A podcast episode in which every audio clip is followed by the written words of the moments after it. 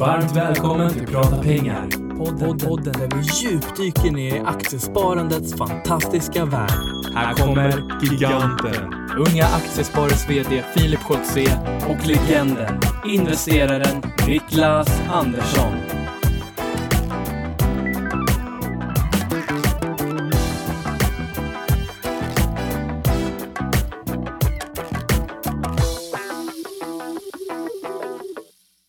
Då säger vi äntligen måndag och varmt välkomna till podden Prata pengar.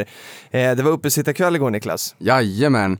Jag lovade just att säga någonting på mandarin idag, men vi tar det nästa gång. Det var uppesittarkväll, vi var lite trötta, det var jätteroligt. Det var grymt kul igår. Eh, Jag tror att jag kom hem lite tidigare än förra gången, förra gången, förra, förra så kom jag hem vid 12, nu kom jag hem lite tidigare, men dum som jag var så satte jag mig och började titta på det och sen insåg jag, nu är det bara 10 minuter kvar sa vi, sen insåg jag?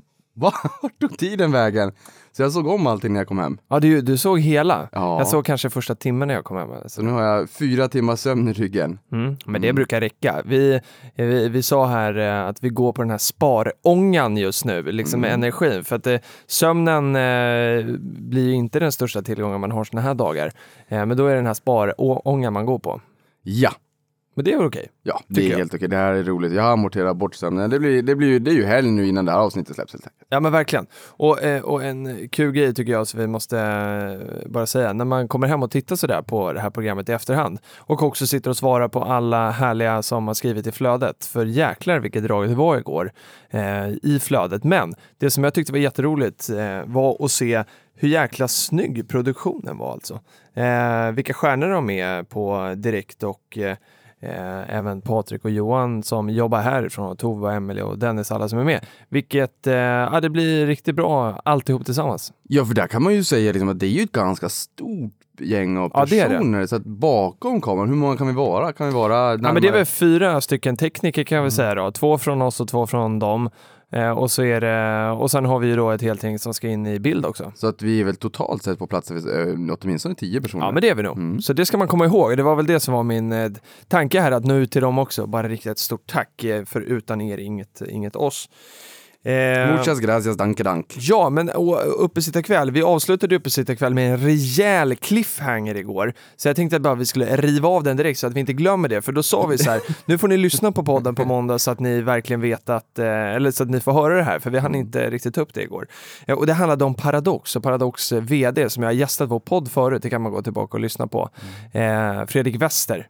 Vad, vad var det som hade hänt där? Ja, för där var jag på Operaterrassen. Avanza hade en, små, en småbolagsdag där jag modererade en intervju med finanschefen i det här fallet. Vi hade ju som du sa Fredrik Wester i podden tidigare innan börsintroduktionen. Och i det här fallet så var det då den här småbolagsdagen med financial hearings. Där de ville göra det så att, på ett annorlunda sätt. De ville inte att bolaget skulle ha en presentation med sig utan att jag skulle eh, djupintervjua eller intervjua under en, en halvtimme. Då kan du ju tänka dig hur mycket jag får raljera ska vara en halvtimme. Eh, jag hann inte med hälften. Eh, och det roliga där är att innan det här skedde, innan jag var där så kom, läckte det ut i media, eller läckte ut, det är ju offentliga uppgifter, att ha- eh, Fredrik Wester hade köpt aktier. Han hade köpt I aktier Paradox. i Paradox, där han är storägare. Han har ett, hans tillgångar i Paradox uppgår väl någonstans till 1,7 miljarder. Han har över 30% av bolaget. Han har 33% av 33. bolaget. Spiltan har 30. Han sålde ju lite i samband med att de gick till börsen ju. Ja, Mm. men, Ja, men är fortsatt storägare Absolut. framåt. Och då som jag förstod det så hade, var det någon tidning som hade skrivit någonting, gjort en liten pudel för att det var en rapport som redan var ute. Hur som helst så var det lite av en pudel och då hade han blivit lite, lite inte arg Alltså kanske. tidningen hade skrivit något fel om Paradox alltså? Ja, Okej. och det är inte första gången. Ehm, och, och då blev han lite besviken så då gick han ut och köpte 41 337 aktier för 2 miljoner. Mm. Och 2 miljoner i förhållande till, till 1,7 eh, miljarder är ju inte jättemycket. Ehm, så att hade, hade någon köpt för 2 miljoner kronor i ett vanligt bolag så hade man tyckt att det kanske hade varit ett signalvärde, men i det här fallet så är det en liten fraktion. Men det är just eh, siffran, 1337 är ju elit på nördspråk. Men fyran fattade jag inte riktigt och det måste jag ha varit lite trött för då sa ju finanschefen, men det är ju fyra, four. Så att four elite. Och det här är så roligt, det här är liksom min typ av humor, för när Fredrik var här sist så hade han ju med sig liksom, han satt ju i en hoodie, det stod paradox, så vi kände att det där var en spelnörd. Det, man kände att jag, jag gillade hans, hans approach, hans sätt att vara, liksom det här, gillar det han gör. Och att då gå ut och vara lite besviken och köpa 41 337 aktier bara för att det blir liksom det underliggande signalvärdet for elite, det tyckte jag var roligt. Så han ville liksom att eh, det här skulle tryckas i pressen, att det var så många aktier han köpte och så var det ett litet dolt meddelande där. Det var ett dolt meddelande, Ja. jag tror att det var det som var, huvud, Det det som var grejen. huvudgrejen. Superhäftigt ju. Vilken Ja, kul han, grej. är, han är en spelnörd, han är en gamernörd. Ja, Jag gillar det. Riktigt skoj. 1337, det känner man ju ändå till, men fyran där hade jag inte heller. Nej. Det, den är ju den enklaste av dem, men ja, ja, Ja. samma. Vi, vi avslöjade att vi inte är jättehaja på det där språket. Men hur som helst, jätte, jättespännande. Sen har vi en, eh, en annan eh, uppmaning till er och det är så att vi pratat förut om Privatekonomi. Det känner ni väl till vid det här laget, vårt utbildningsprojekt som utbildar gymnasieelever runt om i landet. För det är ingen annan som gör det Niklas. Nej, Nej. det är det inte. Ja, det, ja, eller ja. Ja, det finns väl lite, men inte, inte så som eh, i den omfattningen som man önskar i alla fall och därför finns vi till. Eh, och då är det så här nu att vi skulle behöva förstärka den här gruppen i Norrland, i liksom den norra regionen. Så det här är dina, dina hoods Niklas. Eh, vi har en informatör i, eh, som vi kallar det då, föreläsare som åker ut på gymnasieskolorna och kör en inspirationsföreläsning för eh, gymnasieelever under en timme. Eh, och då har vi en, eh, som, en tjej som heter Ida som är i Umeå, men hon behöver lite förstärkning för att Norrland är ganska stort. Det är ju långt att resa, många skolor, så hon behöver ju en, en kompis här som, som kan hjälpa henne lite grann. Mm, från norr om T-centralen upp till Kiruna. Ja, jag skulle säga norr om Gävle kanske. Eh, Umeå går jättebra där i det också för att det händer väldigt mycket i Umeå och det är lätt att ta sig. Men är det Skellefteå eller Östersund eller eh, Kiruna eller nej, jag vet inte. Hitta på vad ni vill. En, tycker ni att det här låter intressant så hör av er till oss eh, och då går ni in på www.ungprivatekonomi.se och så kommer ni skicka in en ansökan till, till mina kollegor eh, Johan och eh, Niklas. Så vi väntar på din ansökan. Eh, sen så ska vi, och jo, vi kan säga det här också, vi sa ju det på Uppesittarkväll igår, att vi har skapat en, en mejladress för Prata pengar som är pratapengar at ungaaktiesparare.se. Så att nu får ni jättegärna börja skicka in frågor där. Eh, och sen tror jag och Niklas ändå, det kommer säkert trilla in på Facebook och Twitter och, och sådär. Twitter under hashtaggen, inga konstigheter. Men det här är väl mer den kanalen man ska använda. Om man inte kan skriva under hashtag prata pengar eller uppesittarkväll på Twitter, eh, då får ni jättegärna mejla till den här mejlen och kanske inte direkt till mig och Niklas, eh, privat eller på våra jobbmejler eh, och sådär. För då är det väldigt svårt för oss att, att få ihop ihop allt på ett och samma ställe. Så därför önskar vi nu att eh, mejla pratapengar ungaaktiesparare.se. Äntligen va Niklas? Äntligen. Äntligen måndag, äntligen en mejladress 2016. Det tog ett år. Ja, det gjorde det.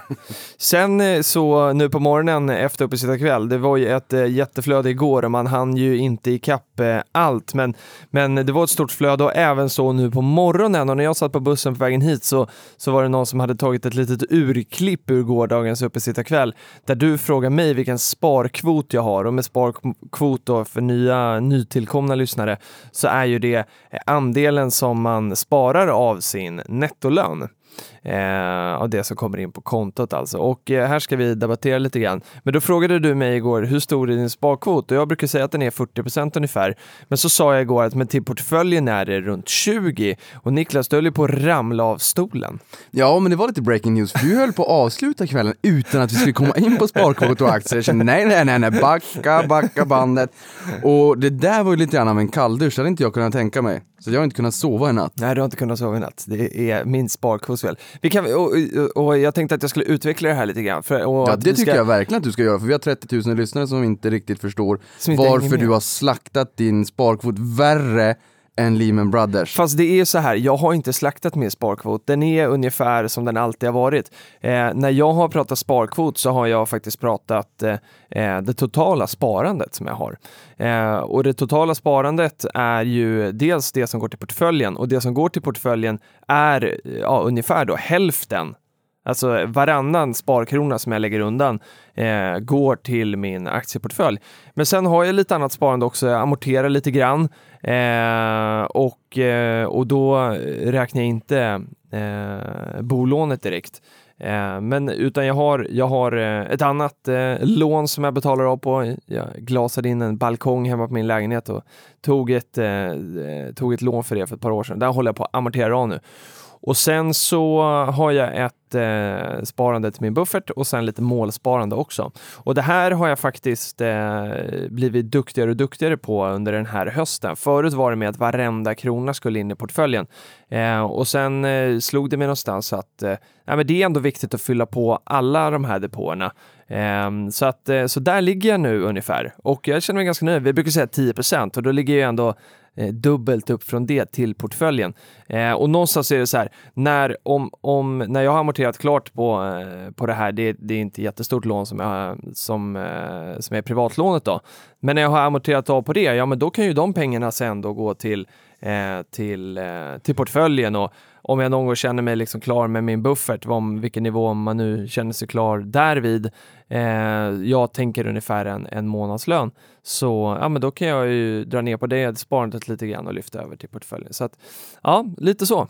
Jag får vara nöjd med det första året du var klok i alla fall. Det första året som jag var klok. Ja, men det, ja, det är bra. Nej, men eh, den, den är knepig den där, för att det är någonstans så, så känns det ju som att man vill att varenda krona ska gå dit, men jag tycker också att, att det, det ger en skön magkänsla att att känna att man faktiskt fyller på alla reserver i privatekonomin sådär. Och, jag, och Niklas säger ju det här med glimten i ögat, så det är liksom, ni ska inte vara oroliga där ute. Eh, man behöver inte ha 50 eller 70 som vi ser också på Twitter ibland i sparkvot. Eh, Nej, men det, här, det, här är ju, det, det där är ju OS champions. Ja. Så det, den där eh, sparkvoten är ju helt omöjlig att hålla över tid. Eh, alltså 70 procent. Ja, det är det är helt galet, men det är fortfarande bra att de gör det. Ja, det är För fantastiskt coolt. Ja, men jag tycker så här, speciellt om man är ung, att man kan ha no något eller några hundår. Jag säger inte att man ska sitta Nej. hemma på fredagskvällen när kompisarna går ut. Nej. Men det jag säger är att man ska försöka spara ganska, ganska hårt, ganska aggressivt innan man kanske köper bostaden. Nu, nu kan det i och för sig vara så här, en liten disclaimer, för är det så att man ska köpa en bostad och behöver en kontantinsats så tycker jag att det sparandet är ett annat sparande för utanför börsen. Men innan när man har liksom bostad och kanske fritidshus, det blir väl kanske senare i livet barn och bil och jag menar, innan man drar på sig alla kostnaderna. Ja, då kan man faktiskt spara ganska Ja, för det är så, det är ju tid och avkastning Mm. som vi sagt är de två Visst. viktigaste faktorerna. Och en, när jag var ung så tyckte jag så här, ja men vuxen, när man är vuxen då, då har man bra ekonomi. Men det, det stämmer ju inte. Mm. Nej, Alltså det, för de allra flesta så är det ju så att den bästa ekonomin, den bästa liksom, cash conversion, alltså det, det, det kassaflödet, det som pengar som trillar ner på sista raden i förhållande till lönen Mm. Du nu. får in. Det är ju när man är ung innan Exakt. man har dragit på sig alla fasta kostnader och barn och alla åtaganden. Eller när man kanske är 55-60, barnen är utflugna, man, man byter ner sig till lite mindre boende, man får mindre kostnadsmassa. Mm. Så att jag menar, spara hårt i unga år och Verkligen. låt de pengarna sen jobba och sen ha normal kostnads kostnadskostym om man då så vill när man är mitt Absolut. i livet. För absolut. att livet har ju någon form av capex-cykel, mm. capex-cykel, alltså en, en eh, cykel av eh, utgifter. Mm. Och de här utgifterna som vi sa nyss, med bostad och bil och hit och dit. Men i början så är ju den här, sy- den här nivån på kostnaden väldigt låg och Mm. där man, man faktiskt kan komma igång med sparandet. Ja men det är verkligen så. Det är den här som är också det knepiga för att många då, eh, jag själv inte minst, eh, pluggade ju då eh, under några år och sen fick man jobb. Och gå från att få inkomst med CSN till att faktiskt få en heltidslön eh, gör ju en jätte, jättestor skillnad och helt plötsligt känner man sig som rikast i världen.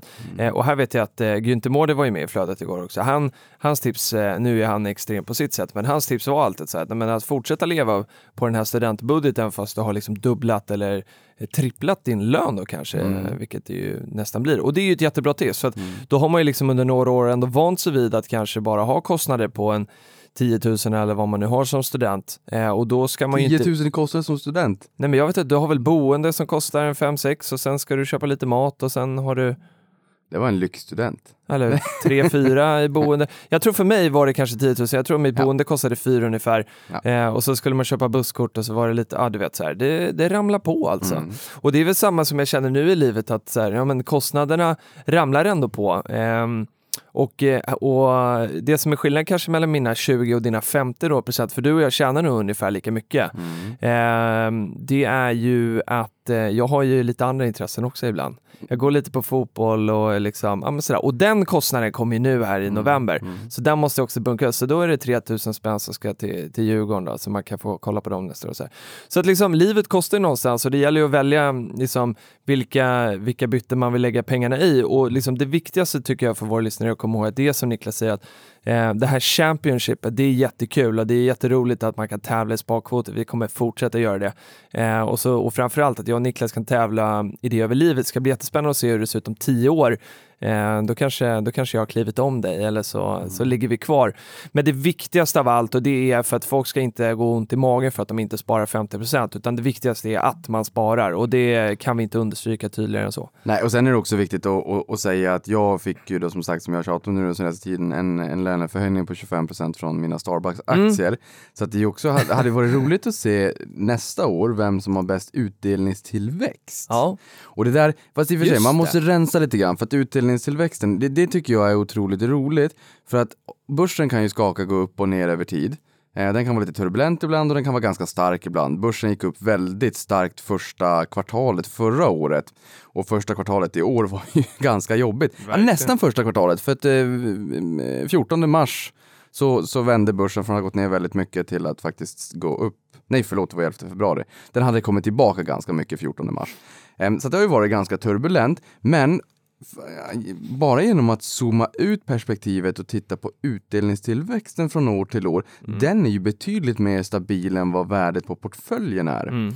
Därför att eh, har man bolag med utdelning, det är inte så att utdelningen ett år blir jättemycket och nästa år blir ingenting och året efter det blir det jättemycket mer än första Nej. året. Utan den är ju ganska stabil över tid. Mm. Och där är det roligt för där köper vi både mer aktier under året, det vill säga fler aktier som ger utdelning, plus att bolaget i sig tenderar att höja utdelningen över tid. Just det. Så det där är ju ett väldigt bra sätt om man tycker att det är lite jobbigt att värdet tenderar att fluktuera i portföljen. Zooma ut perspektivet, titta vad du har för utdelningstillväxt och se till att den är högre än en inkomst av tjänst. Se till att den är högre än 2% och det ska man ju klara. Ja, börsen har ju gett, en, jag tror det är i år som vi sa då igår, mm. där då, att 9% i år mm. på OMXS30 mm. och eh, tvåsiffrigt förra året.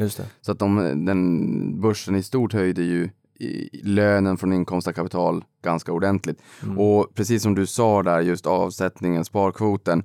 Eh, vi skojar ju lite grann. Det här är ju det, här är det vi älskar. Visst att vi sparar och hyggligt mycket pengar, men det är ju inte det att vi sparar. Vi investerar för att vi jo, älskar och tycker absolut. att det är roligt. Det här är ju vår hobby. Du har ju uppenbarligen andra hobbys, fy, fy på dig. men, men eh, Men, men sparar man 10% av sin inkomst så är det fantastiskt ja, det bra. Och det är inte så att vi säger det bara för att vi måste säga det för att ingen ska känna sig eh, illa till mods eller kränkt utan Nej. på riktigt. Mm. Sparar man 10% av lönen så är det jättebra. Absolut, och det är bara att använda det här sparlabbet eller den appen som du använder som funkar till iPhone där man kan göra sådana här räknesnurror och ser man då någonstans att, att eh, man kan liksom justera då för hur mycket pengar man stoppar i. Hur mycket pengar man börjar med. Ja, börjar med, stoppar in. Stoppa in löpande varje månad.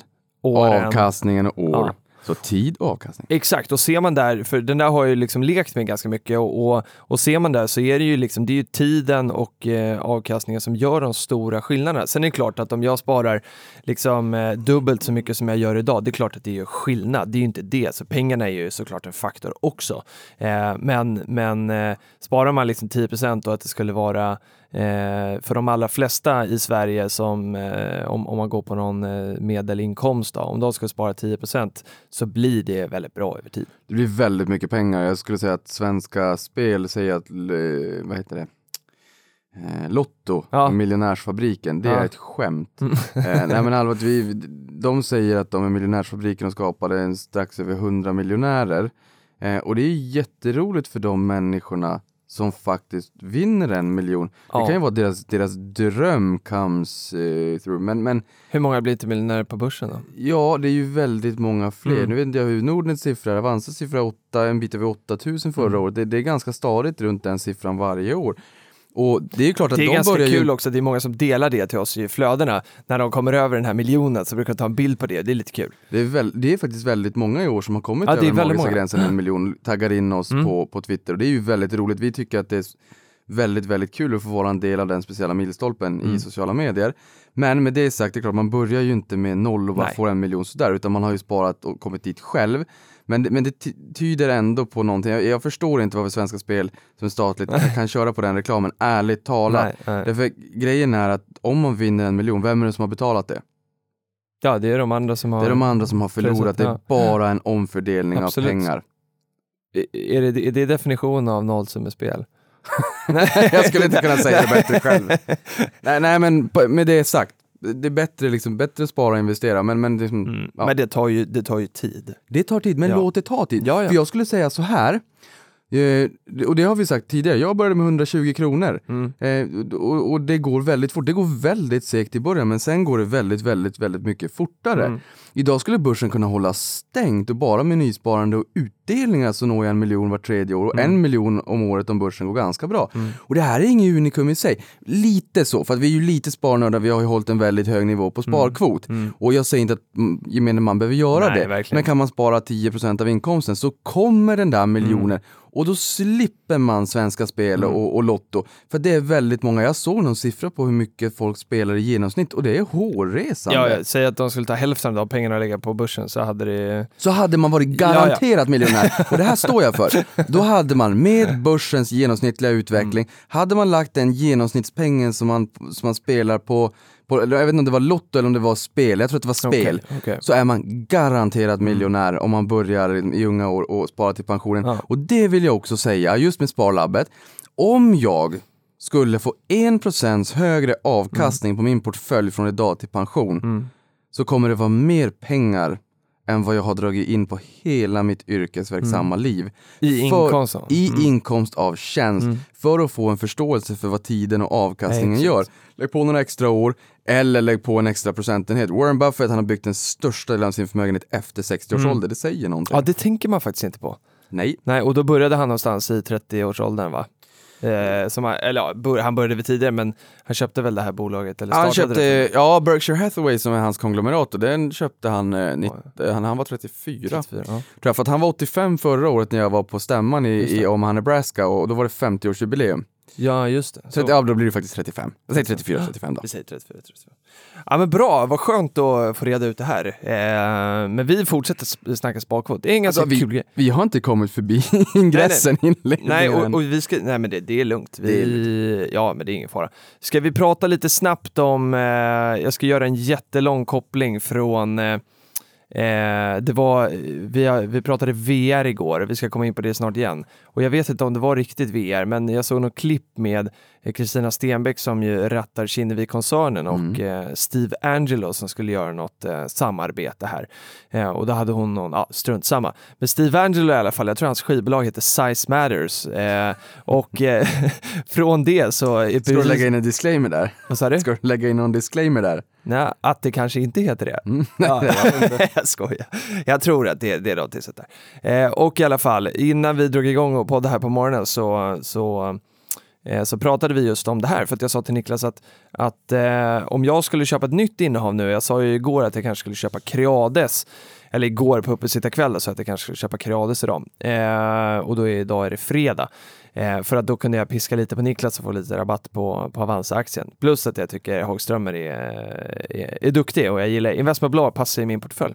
Så du tycker att det är roligt när jag stiger upp och är trött på morgonen och masar mig till jobbet och du känner att du äger en del av mig? Nej men det är, det är hjärtligt, det är bara hjärtligt. Men det, det är lite kul sådär. Men i alla fall, och då, men då skulle det vara ett helt nytt innehav. Och om jag skulle använda mitt månadssparande för att, eh, för att köpa det, så skulle det innehavet bli kanske då, eh, eller vi säger så här, ett, de andra innehaven i min portfölj är någonstans 4 till 5 gånger större än vad mitt månadsspar är då. Eh, så då skulle det betyda att det här innehavet blir ganska litet från början och att jag skulle egentligen behöva spara det 4-5 månader framåt för att det skulle bli lika stort som övriga. Och det kanske man inte vill för att man vill ju fylla på de andra också. Hur ska man tänka här? Ja, men du har ju 40 år på dig. Så man behöver inte stressa alltså? Nej, man behöver inte stressa och det är ju det också som jag menar på att som folk brukar säga, "Ja, men köper du det där bolaget nu, är det verkligen bra timing? Det är lite grann som jag är nyfiken på fastighetsbolagen nu. De har gått ner 20% sedan toppen. Ja, Eh, det är klart att de missgynnas av stigande räntor, men samtidigt 20% är en rätt stor nedgång. De kanske kan fortsätta ner, men det, det är samtidigt så det viktiga för mig är ju att hitta den bredden av aktier jag vill ha i portföljen och sen köper jag löpande över tid. Det är ju som du säger, Mm. och ju fler bolag man har i portföljen, desto längre tid kommer det ta att fylla Ja. upp de där. Men vi har tiden på vår sida. Så det. behöver inte gå eh, det, Över en det, natt. Det behöver inte gå över en natt. Det behöver Nej. inte vara klart imorgon. Nej. Ehm, så att det, låter sakta men säkert, bit för bit Mm. för bit. Bra tips. Ja men, ja, men det är inte svårare Nej, än så. det är inte svårare än så. Och det behöver inte vara perfekt som du säger över en natt. Utan, och det är lite Rom byggdes inte på en dag. Det är lite samma sak. Portföljen är ju som att bygga ett Rom ungefär. Mm, man ska, det, är- det är som att titta på målarfärg torka eller som att se i en istapp tina i, på Nordpolen. Ja, fast vi ska också, fast under tiden, det är faktiskt jäkligt kul under tiden också. Det är jätteroligt under tiden. Menar, du kan ju sitta och titta på eh, Jay Leno show eller någonting samtidigt som du titt, sneglar på den där istappen Tina. Mm. Så är det. Så du kan ha kul under tiden också. Jay Leno, jag vet inte varför jag sa det för jag, Jag vet aldrig eller så kan man bara kolla på Jay Leno. Uppsitta kväll eller på något annat börsrelaterat. Bra, då släpper vi eh, det. Man kan, man kan titta på EFN Börslunch Ja, det kan jag med där för att de var lite snälla. Ja, de var snälla. Att, i, morse tyckte att våran lilla breaking news där när jag fick ont i magen över, över din sparkvot var rolig så de sa att ja okej men då ni vinner över- oss en dag. Och det därför, kan vi släppa. Då skickar vi lite kärlek till dem och säger att de gör en fantastisk Ja, produktion verkligen. varje dag med Börslunch. det måste vi säga. Det gör de verkligen. Men de fyller min hårddisk med massa grafer. Ja, jag så- brukar printscreena deras grafer. Ja, det gör det. Eh, sen, Jag, jag har ett hemligt arkiv på datorn, det kan jag visa dig någon gång när du är hemma hos mig. Den är ganska full. Jag har aldrig varit hemma hos dig. Nej, välkommen. Tack. När du vill. Ja, Mm. kanske kommer det Jag har en gigantisk tv på väggen som man skulle Mm. kunna filma, så vi skulle kunna köra någon sån här liten sändning därifrån någon gång. Oh, vad Och spännande. dra upp in frontterminalen på tvn och prata lite och så här. Jag har tänkt Lite på det några gånger gjorde i, eh, från igår på Uppsitta kväll. utan telefonen ringer. Ja, utan att telefonen, verkligen. Eh, ja, men bra, då har vi bokat en dejt också. Eh, VR pratade vi lite grann om, det var eh, lång väg innan vi kom fram dit, men eh, vi ställde ju en fråga igår på Uppesitta kväll hur många som kommer köpa VR-glasögon, eh, ett VR-set i julklapp, för det säger ju, vad, är det, vad heter de, eh, HUI eller något sånt. Huawei? Nej, Nej, de här ja, eh, handels, i- institutet. Handelsutredningsinstitut. Ja, de kom ju fram till att eh, det här var årets julklapp. Och då frågade Tove genom Unga Aktiesparare går på Twitter då, hur många kommer köpa det här? Eh, och det var bara 5% som kunde tänka sig att köpa det här. 74% sa nej och eh, vet du vad 21 sa? Nej. De sa köper aktier i julklapp. Eh, och det här var faktiskt eh, nästan 1500 röster så att det är ju statistiskt säkerställt också. Kanske. Ja men, det är, det, är, ja men det är lite grann som man blir tårögd för att det, det, grejen är, det skrev ju folk i flödet, nej köper inte VR-headsetet utan köper aktierna i bolagen som har tekniken. Ja, Och där kan ju vara sådär ibland att ska man köpa det bolaget som, som eh, jobbar med tekniken idag, för det är inte säkert att de rider på trenden imorgon. Det är nej. ungefär som additiv tillverkning, så 3D-printing, bara för att en teknologi är spännande så betyder det inte att det är det här bolaget som kommer att vinna den trenden. Jag vill bara kolla på, vad ska vi ta som exempel, VHS-banden, de försvann över en natt. Mm. För, sen försvann det lite bolag, men det lagring har ju inte försvunnit, behovet av lagring har inte försvunnit, men Nej. just VHS-banden är ju borta. Um, så med det sagt, så, ja, men det, och sen finns det ett antal aktörer också, men det, jag, jag blir glad när jag ser att folk direkt impulsivt tänker jag köper aktien som gynnas. Och där tog vi upp ett antal aktier, jag vill bara snabbt säga dem. Gör det. Och det är ju Alphabet, alltså Mm. Google. Mm. Du har Facebook också som säger att de ska satsa på det här. Du har Tobii Eye.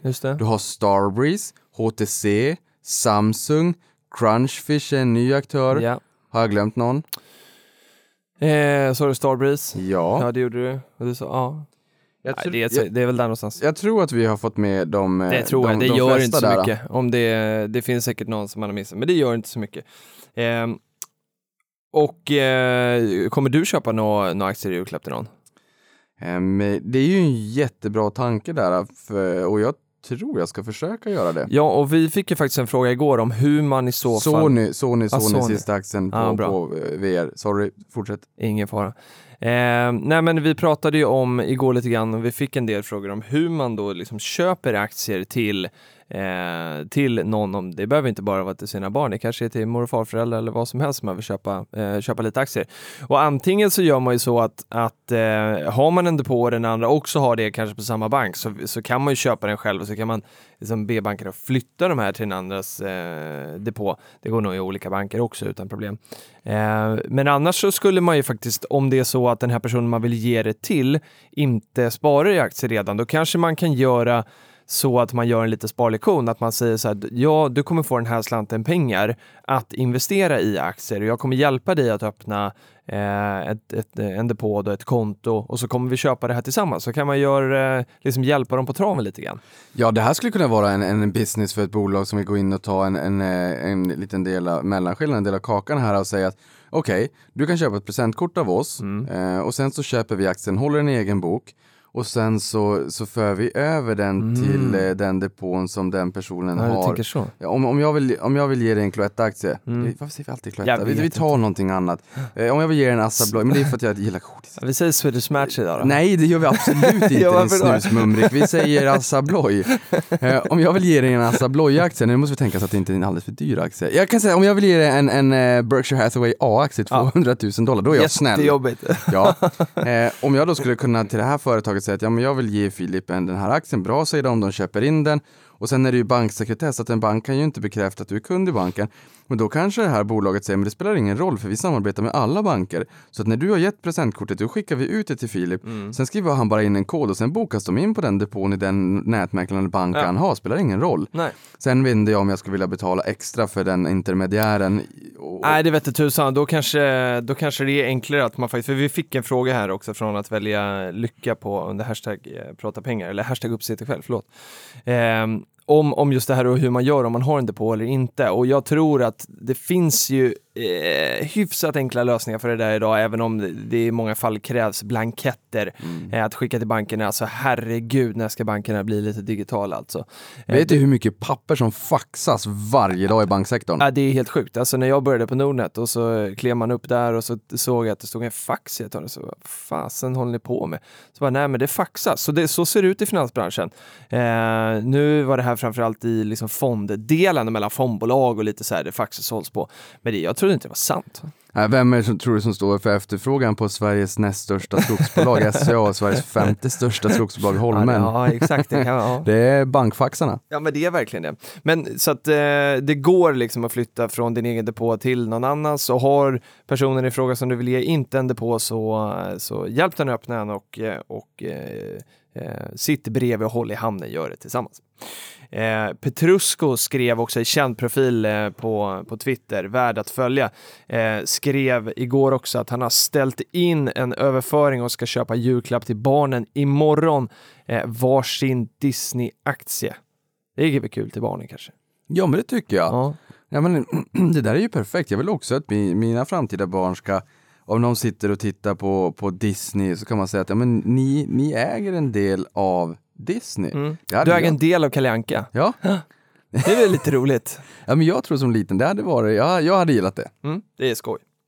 Eh, sista, det här kommer vi återkomma till sen, men nu när vi ändå pratar lite julklappar så, så måste vi lite pusha för att vi har en julkampanj. Eh, Unga Aktiesparare tillsammans med Aktiespararna har en, eh, en julkampanj där man kan ge bort ett medlemskap i Unga Aktiesparare eller Aktiespararna.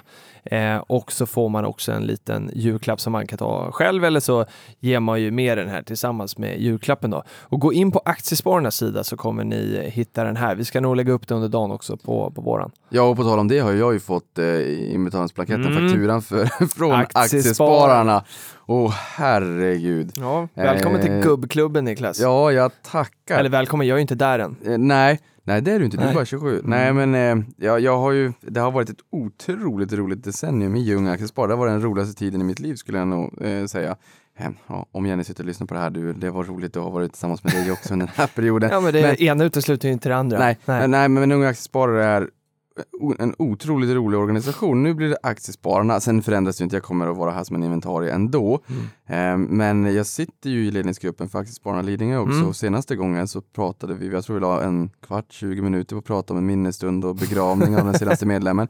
Så det, det, det är alltså inte då i ledningsgruppen utan bland de som brukar komma på aktieträffarna. Jag förstår. Så det är ju en enorm Förlåt att jag spridning. skrattar men du bara bekräftar fördomen någonstans. Ja men det är ju en enorm spridning. Mm. Det är jag och sen så är det en kille till Andreas och sen så är de 80 plus eh, i mångt och mycket. Så jag menar här behövs det ju också ung, unga Ja. förmågor Verkligen. för att få liksom en spridning åldersmässigt. Men jag älskar, jag tycker det är Ja, buskul och sen ska ändå. vi säga så här, för att det- man kan skämta lite om eh, mjäll på kavajslagen och att det är liksom att det är äldre gubbar så. Men, Men de här- kvinn, vi har kvinnor också. Jo, kvinnor också, men det är ju, generellt är det ju fler gubbar än, än damer.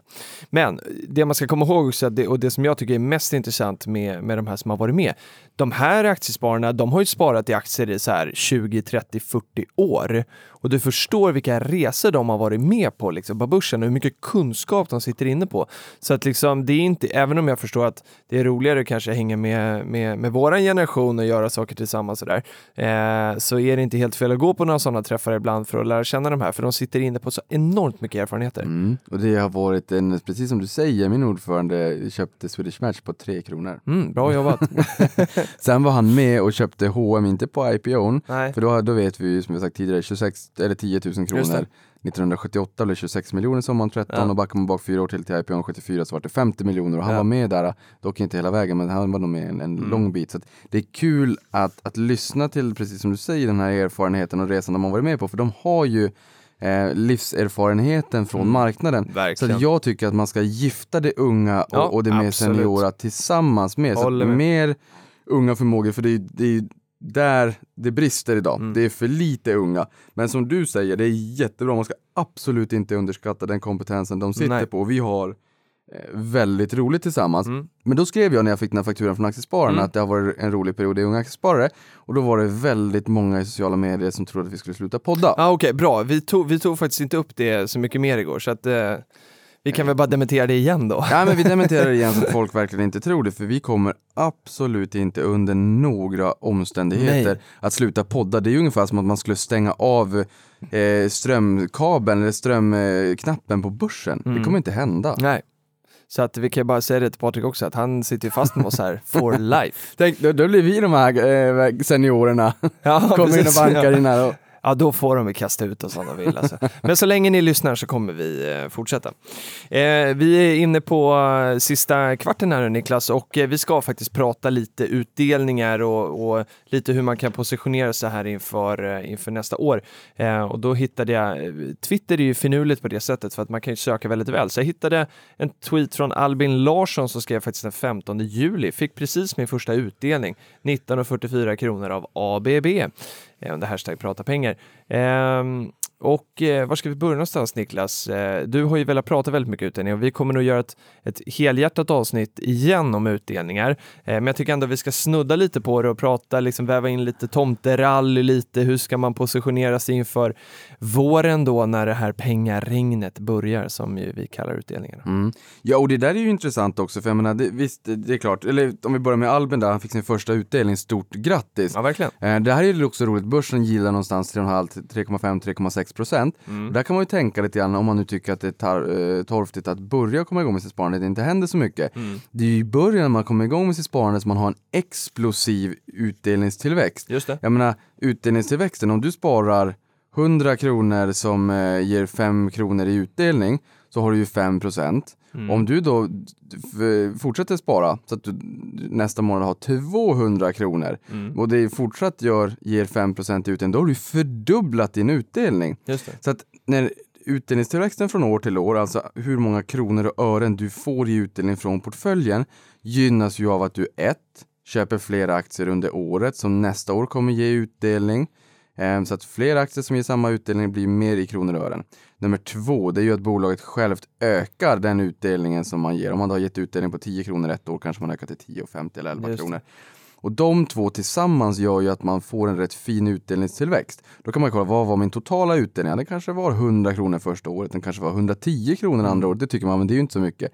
Det är ju 10 procent. Jag skulle nog säga att de som kommer igång med sparande och börjar köpa aktier, de kommer inte ha 10% i utdelningstillväxt. Igår på Uppesita kväll pratade vi om så länge man kommer över 2% så, så, så har man ju, ja då är man nöjd, då har man fått en hö- högre löneförhöjning från Mm. portföljen än vad man får från inkomst av tjänst. Jag skulle säga att man har nog förmodligen ett par hundra procent i flera år Mm. innan portföljen börjar bli så stor att det är jobbigt att öka, att öka utdelningen i, i, i, de- i den takten. Jag har ökat utdelningen 100% om året sedan 2007. Mm. Ehm, senaste året nu så ökade väl Och då utdelningen. är, då är det också för att du sätter in nya pengar som också ger utdelning. Då. Jag sätter, jag sätter in nya pengar, Yes. köper nya aktier Mm. plus att aktierna jag äger höjer sin utdelning. Exakt.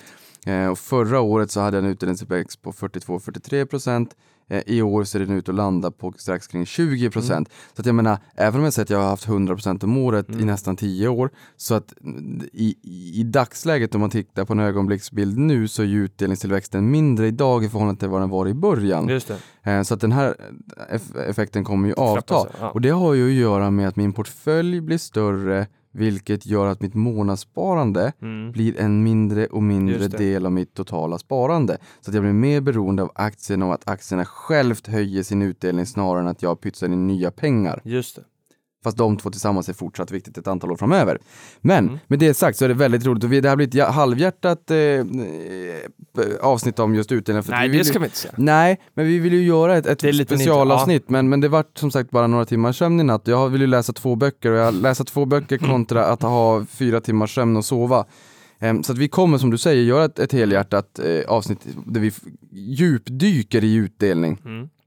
Men eh, med, med det sagt, du sa tomterally, det brukar börja någonstans i slutet på året inför Mm. december. Vi fick inte det förra året. Nej. Men det är väl liksom att man vill positionera sig inför årsskiftet, man vill gärna att årsskiftet ska sluta, eller året ska sluta bra. Och samma psykologiska effekt brukar man ha i början på nästa år, man vill ha en stark start Exakt. på börsen. Det fick vi inte Det 2015 fick med vi. Kina Det var och ingenting som var 4% ner rätt på morgonen. Nej. Nej, nej. Men Nej. handlar det här också lite, vill, att det blir tomterally, handlar det om att liksom förväntningen om att de här eh, rapporterna som ofta är för kvartal fyra då, som kommer där någonstans, eh, att de ofta är bra? Nej men det handlar om psykologi. Det handlar om att man tycker att okej, men nu är det här året slut. Ehm, Det kanske inte blev som vi förväntade oss. Vinsttillväxten steg inte kanske, alltså vinsten i bolagen kanske inte steg som vi Nej. förväntade oss. Vinsten är det som driver aktier långsiktigt. Eh, Men när, när det börjar analkas årsskifte och nyår och bubbel och skåla glasen och nyårslöften och nya träningspass på gymmet, då vill man ha en bra start på året. Mm. Så det blir den psykologiska effekten, ja, äntligen, nu vänder vi blad, vi byter kapitel, nytt fräscht blad. Mm. Det, det är lite så, det är en anomali. Det är en anomali. Mm. Eh, Och när vi, när vi gör det här specialavsnittet, ja. då kommer vi mer grotta ner oss på liksom vad, vad utdelning är, hur Mm. man ska tänka på utdelning, alltså en hög direktavkastning kontra utdelningstillväxt, dividend aristocrats, dividend kings, Mm. utdelningsandel av vinsten, vad som händer om bolagen delar ut mer än hela årets resultat. Ja, vi, kom, vi kommer Ja. liksom, och, och vilka bolag som förväntas höja utdelningen mest nästa år, vilka som har varit duktiga på att höja utdelningen de senaste åren. Vi kommer att grotta ner oss ordentligt när det kommer till utdelningar, för det ska ni veta som sitter och lyssnar på det här. Jag tycker att det är otroligt roligt att förbereda ett sånt avsnitt, för jag lär mig ju själv Ja men också. och, exakt och eh, jag vet ju att vi har haft ett liknande avsnitt eh, bland våra första så hade vi när du hade läst eh, Get rich with dividends. Get rich with, rich with dividends.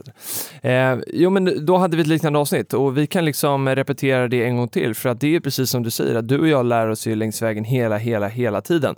Eh, så att skulle vi lyssna på det avsnittet idag eh, och förbereda det här nya så kommer det säkert komma massa eh, nytt och gott och det är det också som är roligt med börsen för att inte bara det att du och jag lär oss mer, men det händer ju också nya saker. De bolag som skulle ha den högst förväntade direktavkastningen förra året är inte de samma som, som nästa. Så att det går, vi kan hålla på hur länge som helst. Och man kommer aldrig lära sig börsen överhuvudtaget för det är för mycket psykologi. Titta bara på Brexit och Trump, ingen kunde tro det. Vi lär oss aldrig. Exakt. För mycket psykologi. Så är det. Men det är det som gör det spännande. Ja. Nästa roliga tweet kom från Johan Byrén som skrev under hashtag prata pengar att han har sålt av det som var kvar av fonderna som hans mor och far gav i 18-årspresent. Dessa tusenlappar ska nu investeras för utdelning, säger han. Eh, och då kan det ju passa utmärkt att vi kommer med ett, eh, ett ännu större utdelningsavsnitt. Då. Mm. Men, men kul att han liksom tar tag i de här själv, för jag tror eh, jag satt i den situationen att jag också fick, eh, det pratade vi om sist tror jag, lite råbefonder som kostade alldeles för mycket och så tog jag tag eh, och investerade själv istället. Och det är många som står inför den, eh, eh, den utmaningen kanske, eller möjligheten, är ju väldigt kul. Eh, så roligt, roligt att Johan har gjort eh, lika så. Men bra, först när du sa att han sålde av, då tänkte jag, men Johan! Nej. Sen när du sa att han köpte eh, Sålde aktier för att investera i utdelning, tänkte jag, bra Mm. Johan! Exakt. Mm, då är jag glad. Ja, jätteroligt. Eh, sen hittade jag en annan fråga som vi bara ska reda ut, som är Andreas Jonsson skrev här, eh, också under hashtag prata pengar. Han skrev, stämmer att Balder börjar med utdelning, alltså på ordinarie aktie, står direktavkastning är lika med 10,15 procent. Och jag tror att det var, det var en eh, screenshot från någon av eh, nätmäklarna här. Eh, och det här kan vi väl säga eh, att det stämmer absolut inte. Nej, det stämmer inte. Det är Nej. preferensaktien som delar ut. Jajamän, preferensaktien delar ut en 20 om året, 5 kronor i kvartalet. Och där har jag ju, eh, eh, har ju Erik Selin på Balder, äger typ 40 procent av bolaget också, fick jag med det. Minst. Eh, minst, jag tror 41 kanske till och med. Det är ri- riktigt pilotskolan. Han har ju sagt att om det är så att jag ger utdelning så innebär det att jag inte hittar bra och spännande case att investera pengarna i, i bolaget. Så nej, här kommer vi nog inte se en utdelning och det är så att nej, men så länge du fortsätter att förränta dem på ett bra sätt så behåll dem då. Och det här är egentligen samma sak som eh, baronen på Cloetta innan han avgick. Mm. Ehm, för där var det ju, jag fick en känsla av när jag var, jag var inbjuden till, till en fondfirma på stan med en, en väldigt duktig analytiker som Mm. har vunnit pris i Europa som bästa analytiker. Mm. Eh, och som sa att, eh, eh, och det här behöver inte vara av den anledningen, det är kanske fler som har fått den uppfattningen, men att det var en liten schism mellan eh, baronen, baronen och eh, styrelsen i Cloetta för Mhm. att han inte ville ge utdelning. Mm. För han tyckte att nej, jag vill snarare förvärva och, och ger jag utdelning så innebär det att jag inte hittar några intressanta case All för Cloetta. right. Medan styrelsen tyckte väl kanske då att, det här vet jag inte utan jag, spe, jag Ja. spekulerar Ja. ju. Att vi har inte haft utdelning på ett antal år sedan 2009-2010 med, med skilsmässan med, med Fazer. Eh, vi har haft en hög skuldsättning och betat ner den. Nu vill vi ge utdelning. Vi vill liksom vi vill kunna visa det institutionella kapitalet, eh, pensionskapital med mera, att vi också kan ge utdelning och bli liksom en, en aktie i deras univers att investera i. Mm. Så det där är ju en, en politisk balansgång skulle man väl kunna säga. Det det. Men han tyckte väl att nej, nej, vi ska snarare investera det här och där, Mm. där var det liksom eh, två olika, en tveeggad syn Mm. i, i vägen framåt. Mm. Och det här är nog inte enda case så, utan det kan nog vara så. Um... Det finns ju väldigt många och det är här någonstans som, eh, som eh, liksom jag värderar situationen i Balder så högt därför att eh, styrelse och vd i det här fallet är ju i, i princip samma person, även om man aldrig skulle säga någonting annat. Men när du har en vd som också äger 40 eh, av bolaget så är det Erik Selin eh, som, som bestämmer vad som kommer hända. Eh, även om han har lite andra ledamöter och sådär också. Men någonstans så är det så här, man blir ju väldigt trygg då i att det kommer inte bli några schismer här. Liksom. jag, jag skulle faktiskt vilja ha Erik Selin i podden och Ah. prata fastigheter. Det har faktiskt varit väldigt roligt. Nu är väl Bra. han nere i Göteborg, men det hade varit Ja men det löser vi. Han borde ju vara här någon gång, så det hade jag tyckt hade, Mm. varit väldigt Jag roligt. skriver upp det så mejlar jag Mm. honom. Eh, eller försöker få tag på honom på något sätt. Vi ska gå vidare. Eh, vi fick också, och det här är en jätteviktig fråga. Förlåt, Ja. det, var, det var bara en grej. Jag, jag, Mm. jag ska bara säga jättesnabbt. Mm. Warren Buffett, Berkshire Hathaway, de säger också att de inte ska Just ha det, utdelning. Det, just var bara det jag ville säga. Ja men det gör de. Men det där ska vi återkomma till för det är, det är, eh, det är ju så många som vill ha den här utdelningen och tycker att det är viktigt. Eh, Men det finns fler sidor av det myntet. Och vi ska förklara varför det inte alltid är så att det är bara utdelningen som är superduper intressant, Ja. utan Vilken totalavkastningen. cliffhanger. 100 kronor mot miljonen skrev på Twitter under hashtag prata pengar. Vilket index ska jag använda om jag vill se Stockholmsbörsen inklusive återinvesterad utdelning? Och det här är en delikat fråga. Och här också är det väldigt många banker eh, när man ska jämföra sin, eh, hur portföljerna går och sådär så är de ofta inställda på något prisindex, det vill säga hur börsen går utan återinvesterad utdelning. Eh, eller inte, ut, eh, inte återinvesterad utdelning utan snarare u, ehm, utan utdelningen. Mhm. Eh, och det det, bara gör ju att kursutvecklingen. bara kurser, tack Niklas. Eh, och då ser det ju ofta väldigt, väldigt bra ut. Men det här är ju inte den sanna bilden. Utan man vill ju jämföra sig med, eh, nu står det återinvesterad utdelning dessutom, men man vill ju framförallt eh, jämföra med eh, där utdelningen liksom har lagts till. Mm. Vet du vad jag tänker på nu? Nej. Vilken bild lägger du upp i sociala medier om du tänker på att du vill lägga upp en profilbild? Jaha, eh, jag vet inte. Någon från igår när jag hade lite puder i ansiktet. det ska du inte erkänna. Nej, men du lägger såklart upp eh, en fin bild. Ja, det är klart. Mm, det är klart. Och det finns 50 Nej, jag är faktiskt ganska transparent alltså. Ja men det finns 50 000 filter på, på Instagram. Ja, du tror du att det är så? Ja, men, okej, och det, det här är klart, säga- Okej, jo men jag, det här är samma sak med fondbolagen. Det är väl Mm. självklart att man väljer ett jämförelseindex som är enkelt att, att slå. Mm. Och det är det här, av den här anledningen som man ska vara väldigt väldigt vaksam som sparare. Mm. För att vissa fonder väljer att jämföra en tre månaders statsskuldväxel Mm. och liksom slå en ränta som idag är negativ. Ja, det, är så är, svårt det är legal stöld Ja, visst är det det. av ett informationsövertag. Visst. Sen har vi ju, hade vi Johan Thorén här då som, som berättade om Jo. hur han tänker och Mm. visst, fine, det köper jag. Men det är också en Det- specialfond. Det är en det är special liksom, sen, ja. och, och kanske ett schysst sätt att tänka på. Men, men det finns, jag har sett väldigt många fonder som har väldigt konstiga jämförelseindex och man ska ha de återinvesterande indexerna för annars, det, det blir fel. Ja fast det här är ju intressant då. Eh, för om vi tittar på, eh, det man ska titta efter då, det är ju det som heter return index. Eh, det är, då har du fått liksom eh, returnen tillbaka. Men Mm. är den... Eh, OMXS eh, 630 Ja, 630, RX ja. om man vill ha Hela. OMXS 30, de 30 mest omsatta Mm. aktierna och sen 6PRX om man vill ha hela Stockholmsbörsen och RX precis som du sa, the return index. yes, och det andra brukar heta då PI, OM, OMXS, OMX, PI. Och prisindex. 6 eh, PRX. Och sen ibland heter det i och då är det grossindex så det är också återinvesterat. Det här är som vanligt i finansbranschen väldigt många eh, begrepp. Eh, men jag, jag försöker alltid själv då i alla fall jämföra med något som är återinvesterad utdelning, vilket är väldigt bra. Eh, dagens sista fråga kommer från Filip, trevligt namn, eh, som skriver så Du är här. jävig. Ja, jag är lite jävig, fast han stavar med F. Det ser lite annorlunda ut. Det blir som ett annat namn fast det är samma. Eh, men det är fint det också. Eh, han frågar så här. Skulle vara mycket intressant ifall någon hade en lista på bolag med kvartalsvis utdelning på Stockholmsbörsen. Ping, prata pengar.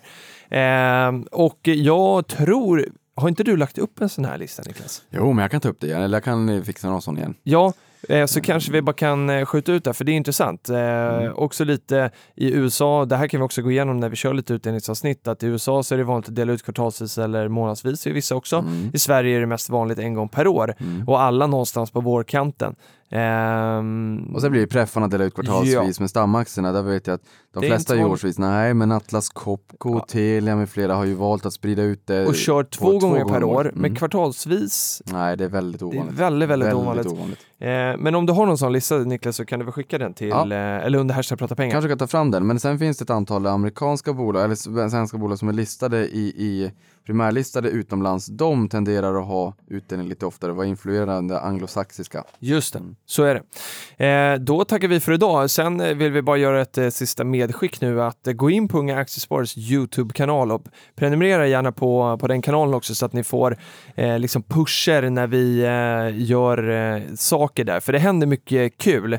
Eh, och framförallt så vill vi att ni tittar på det här pilotavsnittet eh, som heter hashtag prata pengar. Ni hittar det där. Det var ju det här eh, roliga projektet som jag och Niklas eh, fick göra där vi coachade en adept, Evelina under en vecka och introducerade henne till aktievärlden. Så kika gärna på det och eh, eh, hojta till vad ni tyckte om det. Och känner ni någon på något produktionsbolag som skulle vilja ta tag i det här så att eh, det här blir eh, en del i, i rutan varje vecka så får ni gärna pusha för det också. Jag och Niklas måste bara hitta den tiden till det, men det löser vi då.